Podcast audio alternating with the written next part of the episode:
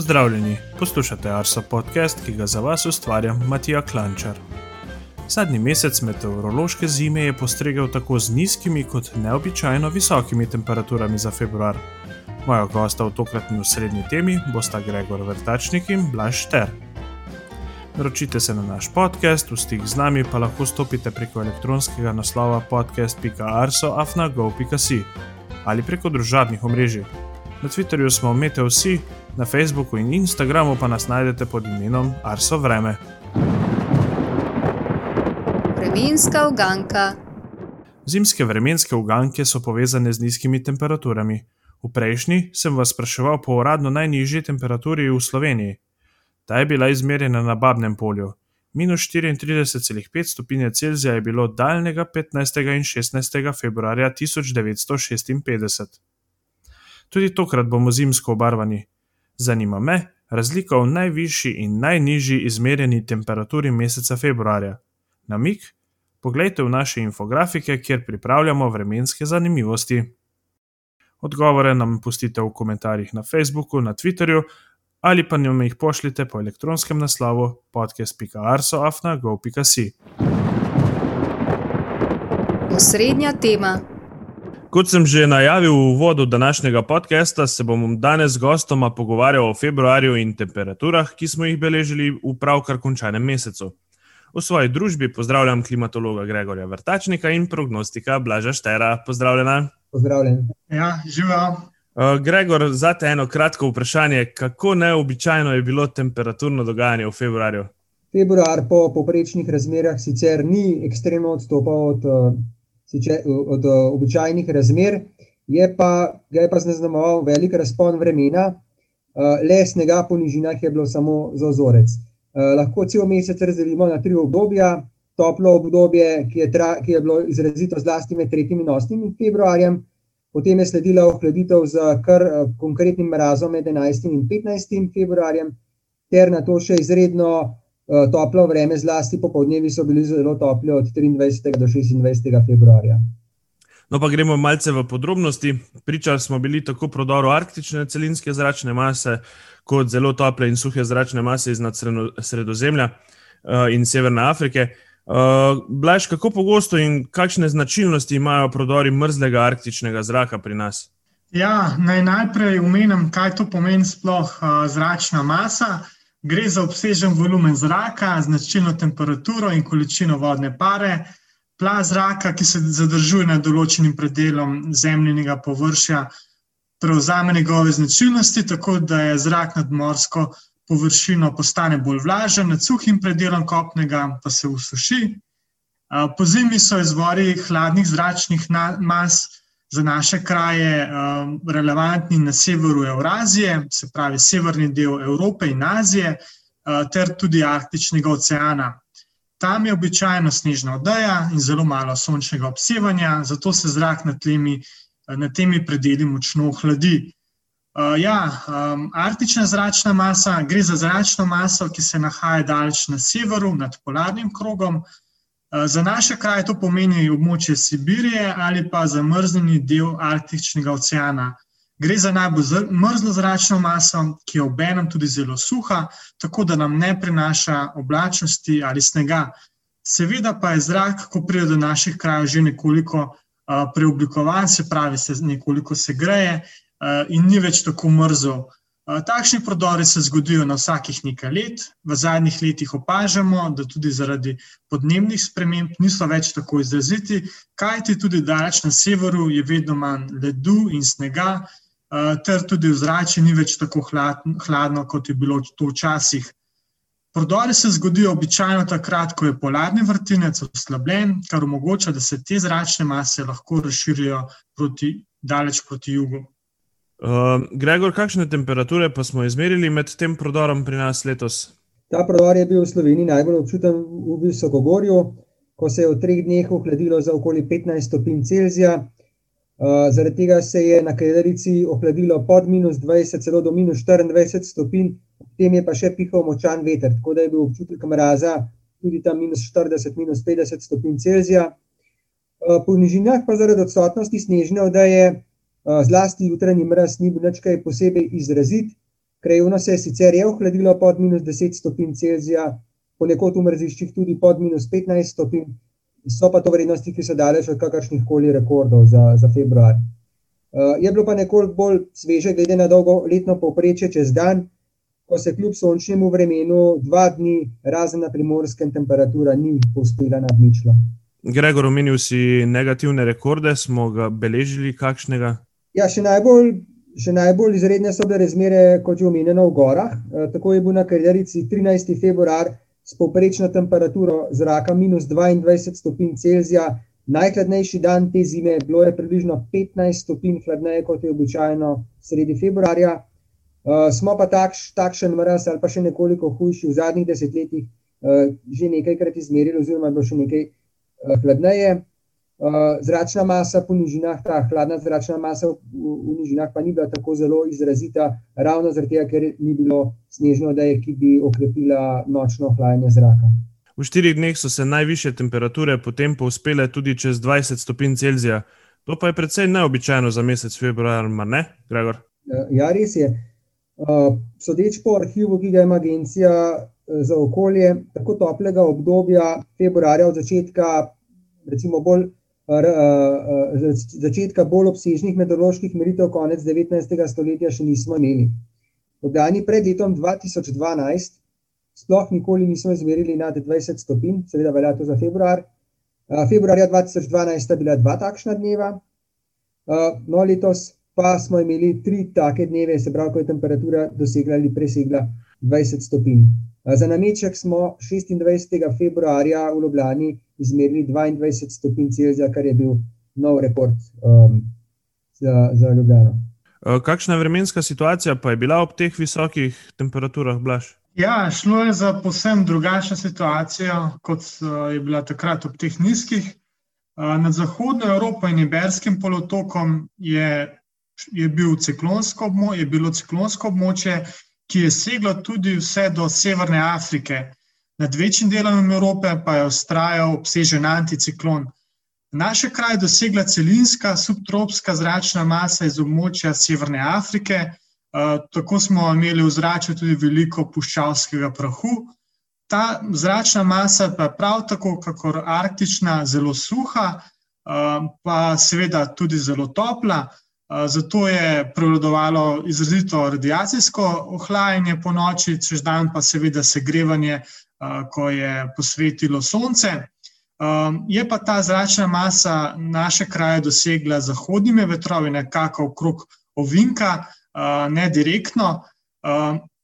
Razlog pa je bil pravzaprav prav ta prodor, izvir te zračne mase je bil pravzaprav prav prodor nad Španijo, ki je segel daleč na jug.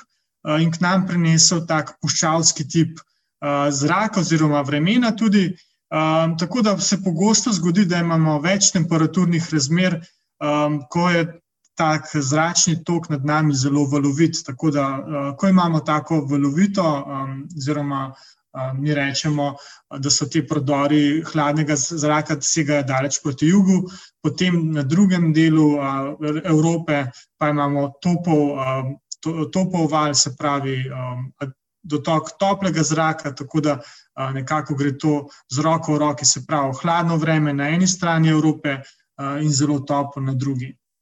Um, Gregor, omenil si drugače že visoke temperature, lahko na tem mestu poveš, uh, kakšne rekordne vrednosti smo beležili po naših postajah?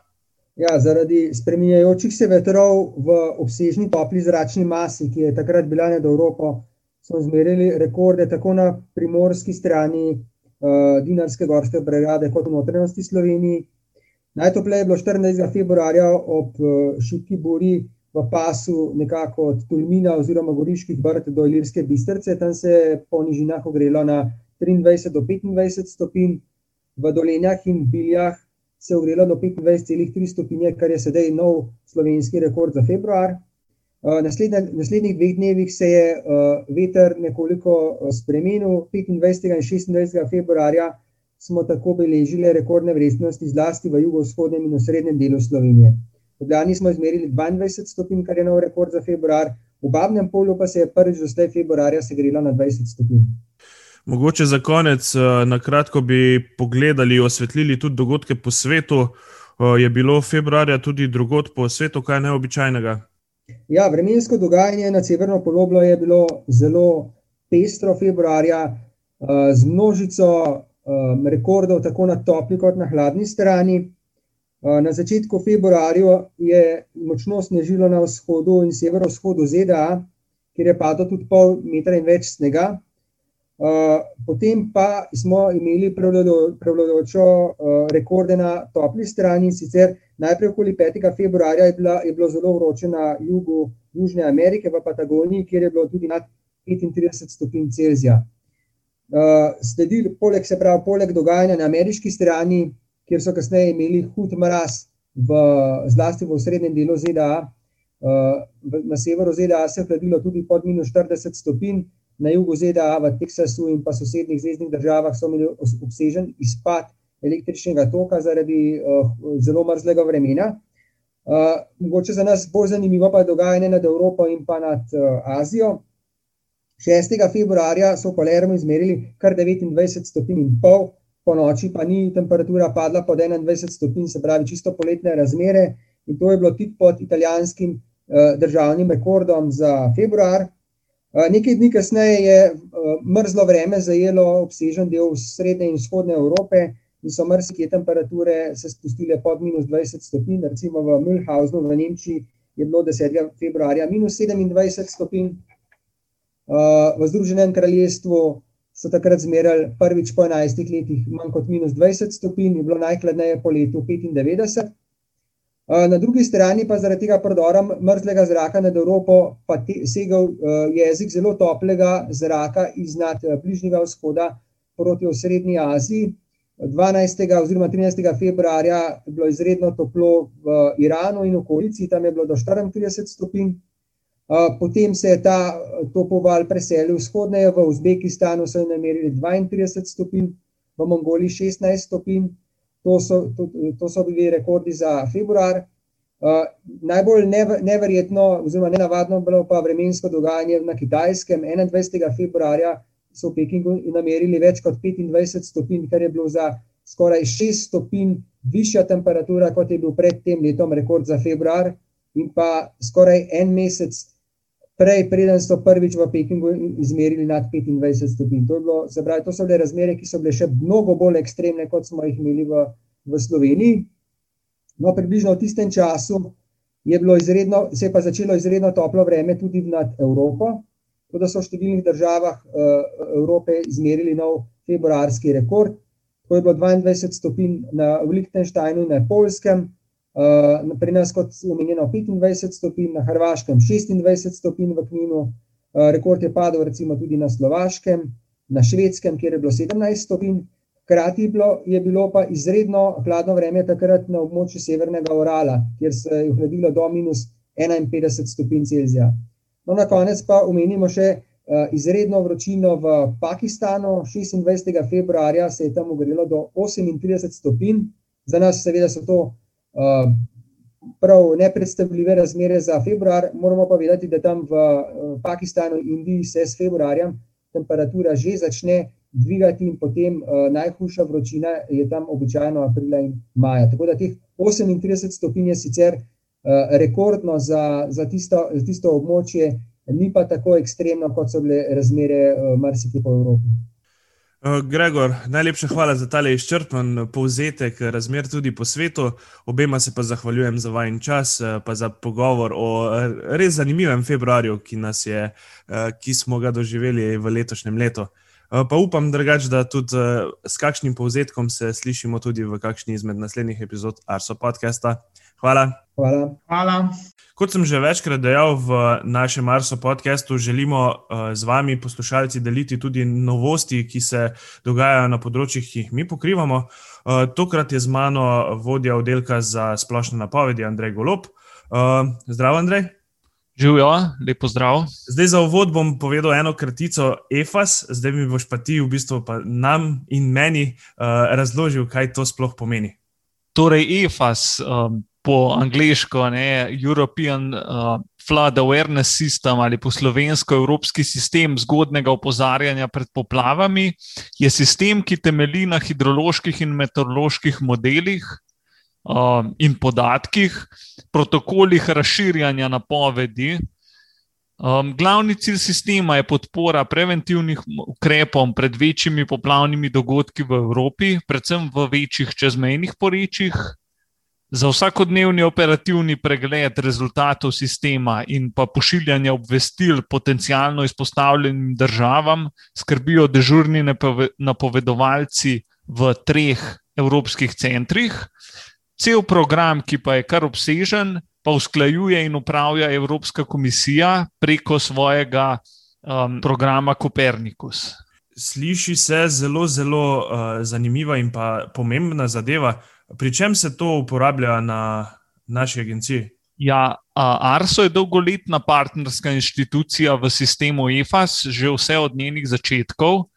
Um, vrednotenje rezultatov sistema in pa spremljanje ne, vsakodnevnih um, napovedi je vključeno v redni proces hidrološke napovedi Arso, torej uh, te iste, istega procesa oziroma te iste skupine.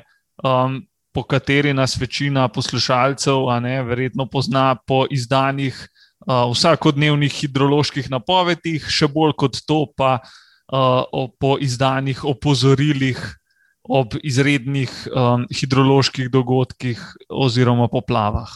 Omenil sem, da radi s poslušalci delimo neke nadgradnje. Uh, tudi ta sistem je bil prejšnji mesec nadgrajen. Kaj je novega in pa v čem je sistem zdaj boljši?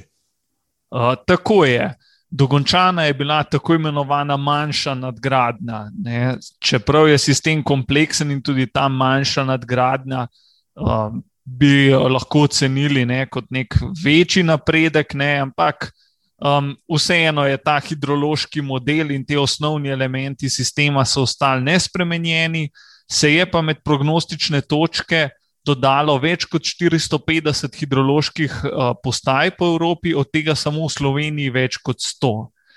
Um, te prognostične točke, se pravi, poenostavljeno rečeno, ne, pomenijo uh, oziroma predstavljajo lokacije hidroloških merilnih postaj, in v teh točkah potem na podlagi vseh kompleksnejših lahko, uh, izračunov lahko spremljamo um, trenutne in pretekle meritve pretokov, za naprej pa izračunan oziroma uh, modelski pretok za do 10 dni v prihodnost. Zdaj, pomembno je, da je izvedbo to vrste nadgradnje zelo pomembno sodelovanje ARSA s konzorcijem, ki upravlja s tem, uh, ki skrbi za delovanje tega sistema. Ker kot državna inštitucija ne skrbimo za veliko količino merjenih podatkov, ki pa so ključni za kalibracijo in, um, in validacijo hidroloških modelov, ter pa za sprotno podatkovno asimilacijo. Ne? In um, ravno razširitev take izmenjave v lanskem letu, a ne in pa potem uh, dela na. Uh, Na strani EFAS-a v, v nekaj mesecih je potem omogočila to nadgradnjo, ki lahko vidimo um, oziroma spremljamo sedaj. Uh, Andrej, hvala za te uh, update. Uh, pa verjamem, drugač, da če, bo, če, če boste še kje napredovali na teh sistemih, pa se slišimo kaj k malu. Hvala lepa, se slišimo. Obeti. Vremensko napoved za naslednje dni je tokrat pripravila Veronika Hladnik za Kotnik. V zadnjem tednu februarja smo bili pod vplivom obsežnega območja visokega zračnega tlaka. Prevladovalo je suho in ob prisotnosti jugozahodnega vetra precej toplo vreme. To je prineslo rekordno visoke februarske temperature. Za vikend je v prehodu vremenske fronte zapihal veter severnih smeri in tako so temperature spet postale primerne letnemu času. Nadaljuje pa se suho vreme. V večjem delu države že več kot 14 dni ni bilo omembe vrednih padavin. Povečuje se požarna ogroženost, zato se kurjenju v naravi v naslednjih dneh raje izogibajte. V sredo in četrtek bo še večinoma sončno, jutro bo hladno s temperaturami nekaj stopinj pod lediščem. Čez dan bo okoli 15 stopinj Celzija. Četrtek sredi dneva bo zapihal jugozahodnik, ki bo že napovedal petkovo prehodno spremembo vremena. Petek se bo pooblačilo, padavine bodo čez dan od severa prehodno zajele večji del države. Padavin bo, kot kaže, več na vzhodu in v srednjem delu Slovenije, a količine ne bodo velike. Zapihal bo severovzhodni veter, na primorskem pa burja. Hladilo se bo. Mesne ženja se bo zvečer spuščala. Morda ob koncu padavin noči na soboto, kakšno snežinko gledamo tudi ponekod po nižinah. V soboto se bo hitro razjasnilo. Hladno bo, čez dan bodo temperature le okoli 5 stopinj Celzija. Sončno bo tudi v nedeljo in spet nekaj stopinj topleje. Naslednjem tednu se nam, kot kaže, obeta več oblačnosti, povečevati pa se bo začela tudi verjetnost za padavine. Vremenske zanimivosti. V tokratnih vremenskih zanimivostih si bomo ogledali obdobje od 15. do 28. februarja. Najvišjo temperaturo smo izmerili na postajah Bilje pri Novi Gorici in Dolenje pri Ajdovščini. 24. februarja smo izmerili slovenski februarski rekord. Živo srebro se je povzpelo do 25,3 stopinje Celzija. Najnižja temperatura v drugi polovici februarja je bila izmerjena na postaji Zelenica. Minus 21,2 stopinje Celzija smo izmerili 15. februarja. Najhitrejši sunek vetra smo izmerili na Kredarici. 22. februarja je pihalo s hitrostjo 120 km/h. Preteklo 14-dnevno obdobje je bilo zelo suho. Največ 5 mm padavin je padlo 18. februarja na postaji Planina v Podbočju. Najbolj sončna postaja v preteklem 14-dnevnem obdobju je bila postaja Kanin. Skupaj so na postaji zbrali 129 ur in 13 minut sonca. Največ sonca v enem dnevu pa so imeli na postaji Lisca, 26. februarja so zbrali 9 ur in 54 minut. Tako smo 56. epizodo z vremenskimi zanimivostmi pripeljali do konca. Hvala vam za vse odzive, kritike in poslušanja. Želim vam obilo lepega vremena in se slišimo čez 14 dni.